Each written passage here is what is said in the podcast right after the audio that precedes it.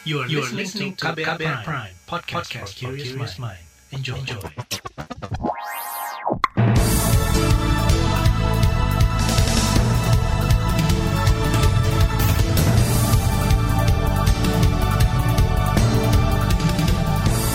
Selamat pagi saudara, senang sekali kami bisa menjumpai Anda kembali melalui program Buletin Pagi edisi Selasa 6 April 2021 bersama saya Naomi Liandra. Sejumlah informasi pilihan telah kami siapkan di antaranya, pemerintah diminta terbitkan aturan teknis larangan mudik. Tarawih di masjid diizinkan selama Ramadan. Korban jiwa banjir bandang di NTT capai 84 orang. Dan inilah Buletin Pagi sebelumnya. Terbaru di Buletin Pagi. Pemerintah pusat didesak segera menerbitkan aturan teknis tentang larangan mudik lebaran tahun ini. Pengamat transportasi Joko Setiowarno mengatakan aturan tersebut mesti tegas dan jelas termasuk memuat sanksi terhadap warga yang melanggar. Menurutnya larangan mudik perlu ditetapkan dengan peraturan presiden agar berlaku serentak. Ya, terus karantinanya aja.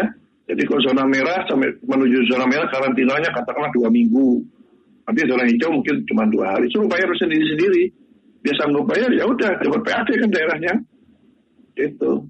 Kalau ditunya nggak mampu ya sudah kayak orang ke Singapura nggak pernah melarang. Singapura silakan masuk. Karena kamu masuk 14 hari ya di karantina dulu. Setelah itu baru boleh keliling-keliling. Atau kalau ketahuan masuk nanti positif kami masukkan karantina mau rumah sakit bayar sendiri. Pengamat transportasi Joko Setiawarno menambahkan aturan tegas, jelas, dan diberlakukan serentak lebih efektif ketimbang hanya merekayasa jalur mudik. Berkaca dari pengalaman tahun lalu, tumpang tindih aturan antara pusat dan daerah mesti dicegah. Selain membuat masyarakat bingung, tidak jelasan aturan menciptakan celah untuk mengakali larangan mudik. Saudara, sejauh ini larangan mudik ditetapkan melalui surat keputusan Menteri Koordinator Pembangunan Manusia dan Kebudayaan. Larangan berlaku mulai 6 hingga 17 Mei 2021 untuk mencegah penularan COVID-19. Sejumlah kementerian dan lembaga terkait masih mengkaji aturan teknis untuk menindaklanjuti keputusan tersebut. Juri bicara Kementerian Perhubungan Adita Irawati melalui pesan singkat mengklaim aturan detail tengah difinalisasi. Sebelumnya, Menteri Perhubungan Budi Karya Sumadi menyebut seluruh pemangku kepentingan di pusat hingga daerah dilibatkan dalam penyusunan aturan teknisnya. Budi memastikan ada sanksi tegas bagi warga yang melanggar.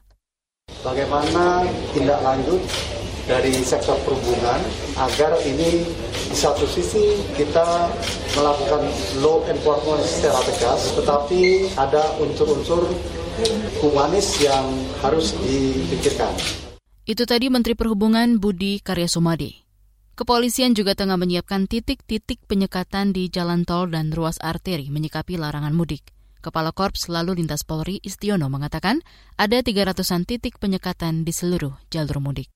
Yang kita antisipasi adalah uh, ruas-ruas jalur tol itu kita bangun titik-titik dan ruas arteri baik jalur Pantura, jalur tengah, jalur selatan, jalur selatan selatan hingga Jawa Tengah kita telah tetapkan titik-titik penyekatan itu agar semua memang tidak bisa melakukan mudik. Kakor Lantas Polri Istiono menyebut penyekatan paling banyak terjadi di jalur mudik dari Jakarta menuju tiga wilayah, yakni Jawa Barat, Jawa Timur, dan Jawa Tengah. Pemerintah daerah menunggu aturan teknis dari pusat soal larangan mudik. Di Jakarta, Gubernur Anies Baswedan masih menimbang pemberlakuan kembali surat izin keluar masuk atau SIKM seperti pada musim mudik tahun lalu. Kita masih menunggu. Kemarin sore barusan ada rakor dipimpin Pak Menko Perekonomian yang di antaranya juga membahas tentang eh, peraturan-peraturan terkait dengan kegiatan mobilitas penduduk di musim libur Lebaran. Nah, jadi kita di Jakarta akan menunggu dulu sampai ada ketentuan dari pemerintah pusat, nanti kita menyesuaikan. Surat izin keluar masuk SIKM menjadi salah satu cara pemerintah membatasi pergerakan warga pada libur lebaran tahun lalu. Ketentuannya ditetapkan dalam peraturan gubernur. Sementara itu, Satgas Penanganan COVID-19 meminta sosialisasi tentang larangan mudik lebaran tahun ini gencar dilakukan.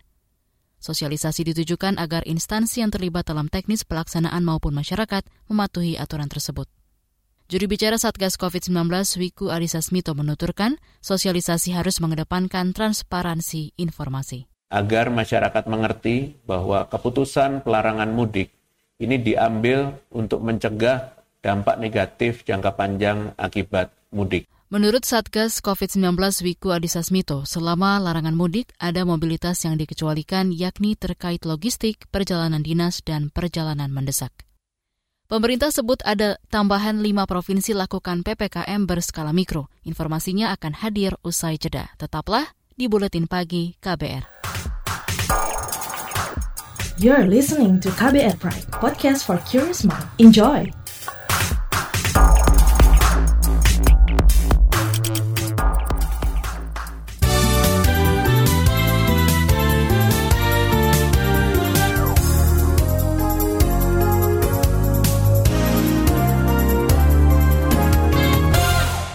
Anda sedang mendengarkan Buletin Pagi KBR. Pemberlakuan pembatasan kegiatan masyarakat PPKM skala mikro kembali diperpanjang dua pekan. Namun kali ini ada penerapannya diperluas ke lima daerah. Keputusan tersebut disampaikan Ketua Komite Penanganan COVID-19 dan Pemulihan Ekonomi Nasional, Airlangga Hartarto, kemarin. Maka pemerintah menambahkan lima daerah lagi, yaitu Kalimantan Utara, Aceh, Sumatera Selatan, Riau, dan Papua sehingga secara keseluruhan yang ikut PPKM ada 20 provinsi itu untuk periode tanggal 6 sampai dengan 19 April. Dan pemerintah menambahkan dan memperpanjang PPKM tahap berikutnya atau tahap kelima untuk dua minggu ke depan.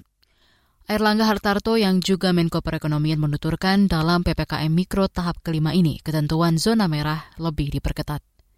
RT ditetapkan sebagai zona merah jika ada lima rumah yang memiliki kasus COVID-19. Ketentuan ini berbeda dari kriteria sebelumnya sebanyak 10 rumah. Pemerintah membolehkan ibadah tarawih berjemaah di luar rumah selama Ramadan, namun pelaksanaannya harus mematuhi protokol kesehatan yang ketat. Hal itu disampaikan Menteri Koordinator Pembangunan Manusia dan Kebudayaan Menko PMK Muhajir Effendi dalam konferensi pers di Istana Negara kemarin. Yang harus dipatuhi adalah protokol harus tetap protokol kesehatan harus dilaksanakan dengan ya, sangat ketat. Kemudian jamaahnya boleh di luar rumah, tapi dengan catatan harus terbatas pada komunitas. Jadi di lingkup komunitas di mana para jamaahnya memang sudah dikenali satu sama lain. Sehingga jamaah di, dari luar mohon supaya tidak diizinkan. Menko PMK Muhajir Effendi mengimbau pelaksanaan salat tarawih digelar sederhana mungkin sehingga tidak memakan waktu lama. Selain salat tarawih, penyelenggaraan salat Idul Fitri di luar rumah juga diizinkan dengan protokol kesehatan ketat. Kita ke informasi hukum. Pengusaha Joko Chandra difonis empat setengah tahun penjara dalam kasus red notice pengurusan fatwa Mahkamah Agung dan permufakatan jahat. Fonis ini lebih berat enam bulan dari tuntutan jaksa. Majelis Hakim Pengadilan Tipikor dalam sidang kemarin juga menjatuhkan denda 100 juta rupiah subsider 6 bulan kurungan. Joko Chandra masih pikir-pikir dengan vonis ini. Meski belum inkrah, jika ditotal maka Joko Chandra mesti menjalani 9 tahun penjara karena beberapa kasus lainnya, yakni 2 tahun penjara untuk kasus korupsi hak tagih Bank Bali dan 2,5 tahun penjara untuk kasus pemalsuan surat. Bergeser ke berita ekonomi. Menteri Keuangan Sri Mulyani memastikan ketersediaan anggaran untuk memperluas jaringan internet di Indonesia. Pemerataan akses internet bertujuan untuk mempercepat transformasi digital.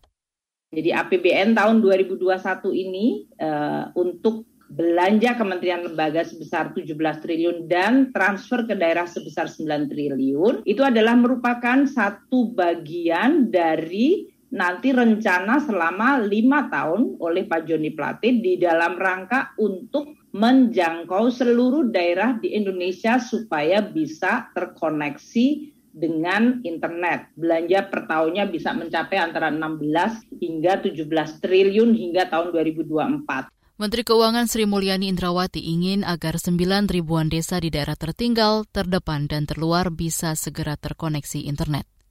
Akses yang sama juga mestinya bisa menjangkau puluhan ribu sekolah dan pesantren dan ribuan puskesmas. Masih terkait digitalisasi, pertumbuhan transaksi digital di Indonesia membuat transaksi tunai melambat dalam lima tahun terakhir. Deputi Gubernur Bank Indonesia Rosmaya Hadi menyebut perlambatan ini makin terasa saat musim pandemi COVID-19. Meski demikian, kebutuhan terhadap uang tunai tetap tinggi ada perlambatan. Namun, pertumbuhan kebutuhan uang karta di Indonesia masih tetap tinggi di tengah pesatnya perkembangan industri pembayaran non. Kita bisa melihat dari tahun 2015 sampai tahun 2020, uang karta masih tumbuh 7,4 persen secara compound annual growth rate. Jadi rasio uang yang diedarkan terhadap PDB itu relatif stabil dengan rata-rata sekitar 4,4 persen selama periode 2010 sampai 2020. Deputi Gubernur BI Rosmaya Hadi menambahkan uang kartal atau tunai juga masih dibutuhkan di negara maju seperti Jepang, Australia, Kanada, Amerika, dan Uni Eropa, meski digitalisasi di sana berkembang pesat. Kita ke mancanegara. Bekas Perdana Menteri Malaysia Najib Razak menyampaikan nota pembelaan atau pledoi pada pengadilan banding kemarin. Najib merupakan terdakwa kasus dugaan korupsi di Lembaga Pembangunan One Malaysia Development Berhad. Melansir Reuters, dalam pledoi yang dibacakan tim pengacaranya, Najib mengklaim sebagai korban karena disesatkan oleh penasihat keuangannya Jolau serta pejabat lain. Sidang selanjutnya akan digelar 22 April mendatang. Perdana Menteri Vietnam Nguyen Xuan Phuc resmi dilantik menjadi presiden. Majelis Nasional Vietnam menyebut ini kali pertama seorang perdana menteri diusulkan sebagai presiden. Xuan Phuc dikenal menjadi sosok di balik keberhasilan Vietnam menangani COVID-19. Pria 66 tahun ini juga menuai pujian internasional karena berhasil mengembangkan ekonomi Vietnam hingga tumbuh pesat. Kita ke informasi olahraga. Turnamen bulu tangkis Indonesia Master Super 100 2021 resmi dibatalkan. Langkah itu diputuskan Persatuan Bulu Tangkis Seluruh Indonesia PBSI karena situasi pandemi COVID-19. Semula kejuaraan ini akan dihelat awal Oktober mendatang. Juri bicara PBSI Broto Happy mengatakan sejumlah penundaan di turnamen besar lainnya termasuk Olimpiade serta Piala Thomas dan Uber membuat kalender kejuaraan makin padat. Piala Sudirman dan kejuaraan dunia juga sudah masuk daftar antrian. Sedangkan di level regional, masih ada SEA Games di Hanoi dan PON di Papua di tingkat nasional. Liputan khas KBR bertajuk Alih fungsi lahan jadi penyebab banjir di tanah air akan kami hadirkan sesaat lagi. Tetaplah di Buletin Pagi KBR. You're listening to KBR Pride, podcast for curious mind. Enjoy!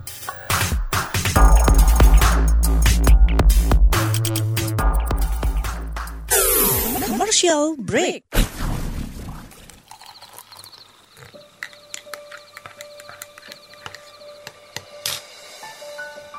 Hai, kamu apa kabar? Masih suka menikmati senja dan kopi? Aku masih ingat kebiasaan kita. Sehabis pulang kerja, selalu mencari tempat untuk sekedar ngobrol dan ngopi. Tapi kadang kita kehabisan bahan obrolan. Aku masih melakukan hal yang sama sampai sekarang tanpa harus takut habis bahan buat ngobrol. Karena aku selalu mendengarkan KBR sore dari Senin sampai Jumat jam 4 sore. Ah, aku rindu.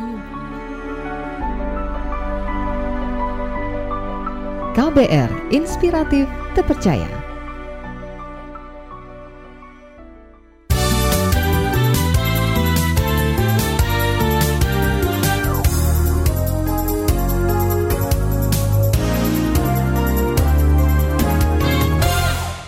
Anda masih bersama kami di Buletin Pagi KBR. Bencana banjir melanda sejumlah wilayah di Indonesia awal tahun ini. Paling besar terjadi di Kalimantan Selatan Januari lalu dan terbaru menimpa daerah Nusa Tenggara Timur 4 April 2021. Pegiat lingkungan hidup menuding alih fungsi lahan menjadi penyebab parahnya banjir di dua daerah tersebut. Bagaimana seharusnya pemerintah menyikapi bencana ini? Berikut laporan KBR yang disusun Wahyu Setiawan. Sedikitnya 60 orang meninggal akibat banjir bandang di Nusa Tenggara Timur. Jumlah itu diprediksi akan terus bertambah mengingat proses evakuasi terus berjalan. Banjir bandang disertai tanah longsor itu melanda sejumlah daerah di Nusa Tenggara Timur pada minggu dini hari. Daerah terdampak paling parah adalah Pulau Adonara, Kabupaten Lembata, Kabupaten Alor, dan Kabupaten Malaka. Juru bicara Badan Nasional Penanggulangan Bencana BNPB Raditya Jati menyebut bencana itu diakibatkan hujan lebat. Ini adalah akibat hujan dengan intensitas tinggi yang terjadi banjir bandang pada Minggu tanggal 4 April pukul 1 waktu Indonesia Tengah. Jadi menurut perakiraan cuaca dasar yang 1 sampai 13 wilayah Flores Timur termasuk kategori curah hujan menengah hingga tinggi. Badan Meteorologi, Klimatologi, dan Geofisika BMKG menyatakan banjir NTT berkaitan dengan bibit siklon tropis Seroja. Kepala BMKG Dwi Korita Karnawati mengatakan bibit itu berpotensi menguat hingga menyebabkan cuaca ekstrim di area NTT, seperti curah hujan dan gelombang laut yang tinggi saat bibit saja sudah menimbulkan bencana, maka apabila benar-benar menjadi siklon, dikhawatirkan akan meningkatkan uh, tingkat risikonya. Oleh karena itu, mohon berkenan kami sampaikan bahwa perlunya waspada cuaca ekstrim yang masih berlanjut sebagai dampak dari bibit siklon tropis 99S. Fenomena siklon tropis memang tak lepas dari bencana banjir di NTT. Namun menurut Lembaga Pegiat Lingkungan Walhi, alih fungsi lahan turut memperparah dampak akibat siklon tropis tersebut. Direktur Eksekutif Walhi NTT, Umbu Wulang Tanah Amah Paranggi, mengklaim menemukan beberapa tempat di NTT yang sudah tidak mampu lagi menampung air hujan. Hal ini dipengaruhi aktivitas alih fungsi kawasan hutan yang salah satunya dijadikan perkebunan tebu. Yang sekarang juga salah satu daerah terdampak banjir paling parah karena juga menghajar lahan-lahan pertanian warga yang sudah sebenarnya sudah siap panen gitu ya di di Sumba. Di Adonara misalnya juga adanya apa pembalakan liar juga di kawasan hutan Boleng dan kebakaran juga setiap uh, tahun ya kebakaran juga di, di atas gitu ya. Umbu menuturkan rusaknya lingkungan di NTT sudah terjadi sejak tahun 2000-an. Pembangunan berkedok investasi seperti penambangan maupun perkebunan monokultur menyebabkan daya tampung air di NTT tak lagi memadai. Kalau dibilang sudah berapa lama kerusakan ini terjadi, kalau bicara dalam konteks eh, daya tampung daya dukung, saya uh, apa periode tahun 2000-an lah, ketika banyak begitu banyak investasi masuk uh, NTT begitu uh, ketika begitu banyak praktek-praktek pembangunan yang uh, tidak mengindahkan uh, daya dukung dan daya tampung lingkungan. Alih fungsi lahan juga diduga kuat menjadi penyebab banjir besar di Kalimantan Selatan Januari lalu.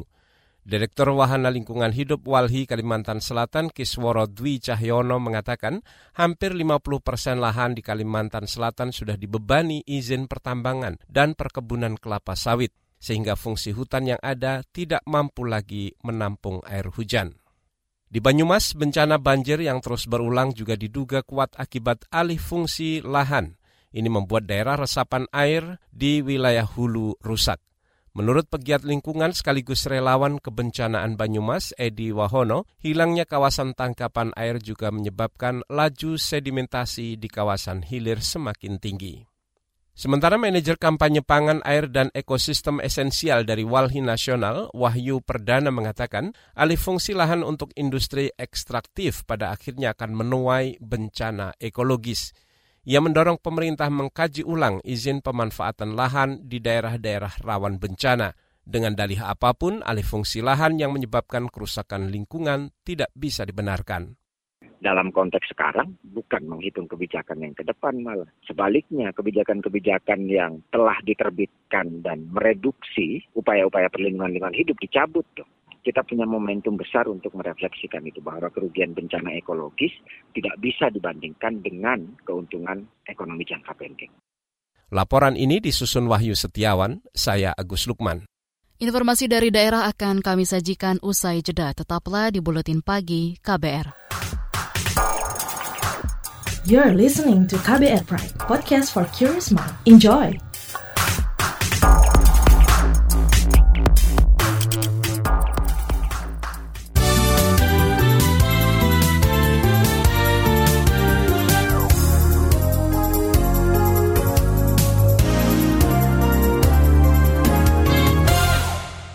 Inilah bagian akhir buletin pagi KBR. Korban jiwa akibat banjir bandang dan longsor di Nusa Tenggara Timur dan Nusa Tenggara Barat mencapai 86 orang. Adapun puluhan korban lainnya masih dalam pencarian. Korban jiwa terbanyak berada di NTT, yakni 84 orang, sedangkan dua korban lainnya di Bima, NTB. Informasi ini disampaikan Menteri Sosial Tri Risma hari ini, sebagaimana dikutip dari Antara News. Risma menyebut kebutuhan logistik bagi pengungsi terus disalurkan meski terkendala akses terputus dan kondisi cuaca. Sementara itu, Kepala Badan Nasional Penanggulangan Bencana BNPB Doni Monardo akan mengirimkan tiga helikopter untuk mengevakuasi korban dan distribusi logistik. Badan Meteorologi, Klimatologi, dan Geofisika BMKG meminta masyarakat mewaspadai cuaca ekstrim hingga dua hari ke depan akibat adanya siklon tropis Soroja. Kepala BMKG Dwi Korita Karnawati mengatakan, bibik siklon yang saat ini berada di sekitar Nusa Tenggara Timur berpotensi menguat saat bibit saja sudah menimbulkan bencana, maka apabila benar-benar menjadi siklon, dikhawatirkan akan meningkatkan uh, tingkat risikonya. Oleh karena itu, mohon berkenan kami sampaikan bahwa perlunya waspada cuaca ekstrim yang masih berlanjut sebagai dampak dari bibit siklon tropis 99S. Kepala BMKG Dwi Korita menjelaskan siklon Seroja akan berdampak pada curah hujan tinggi di sejumlah daerah seperti NTT, NTB, dan Sulawesi Selatan. Ia juga meminta warga mewaspadai potensi gelombang laut dengan ketinggian 2,5 meter hingga 6 meter di perairan Indonesia Timur. Kepolisian Merauke, Papua membebaskan 12 tahanan kasus makar. Belasan orang itu merupakan aktivis Komite Nasional Papua Barat KNPB Merauke. Kapolres Merauke Untung Sangaji menuturkan pembebasan dilakukan bertepatan dengan momentum pasca. Selain itu, belasan aktivis KNPB tersebut juga dinilai berperilaku baik. Saya harus beri kado pasca yang baik, yaitu pembebasan. Walaupun dia punya pengacara mau minta penanggung, nggak usah. Saya bebasin. Mereka baik. Mereka tidak ribut. Kita kasih makanan, kekurangan kita banyak, mereka terima. Tidak ada yang bel di belakang. Ya sudahlah, selama ini mereka baik. Mereka nggak ribut. Hanya saya udah bilang, ya sudah, yang penting jangan bikin tambahan, gerakan tambahan yang lain. Cuma itu aja. Kapolres Merauke Untung Sangaji menambahkan belasan orang tersebut masih dikenakan wajib lapor tiap pekan. Informasi tadi menutup jumpa kita di Buletin Pagi hari ini. Pantau juga informasi terbaru melalui kabar baru, situs kbr.id, Twitter kami di akun @beritaKBR, serta podcast di alamat kbrprime.id. Akhirnya, saya Naomi Liandra bersama tim yang bertugas undur diri. Salam.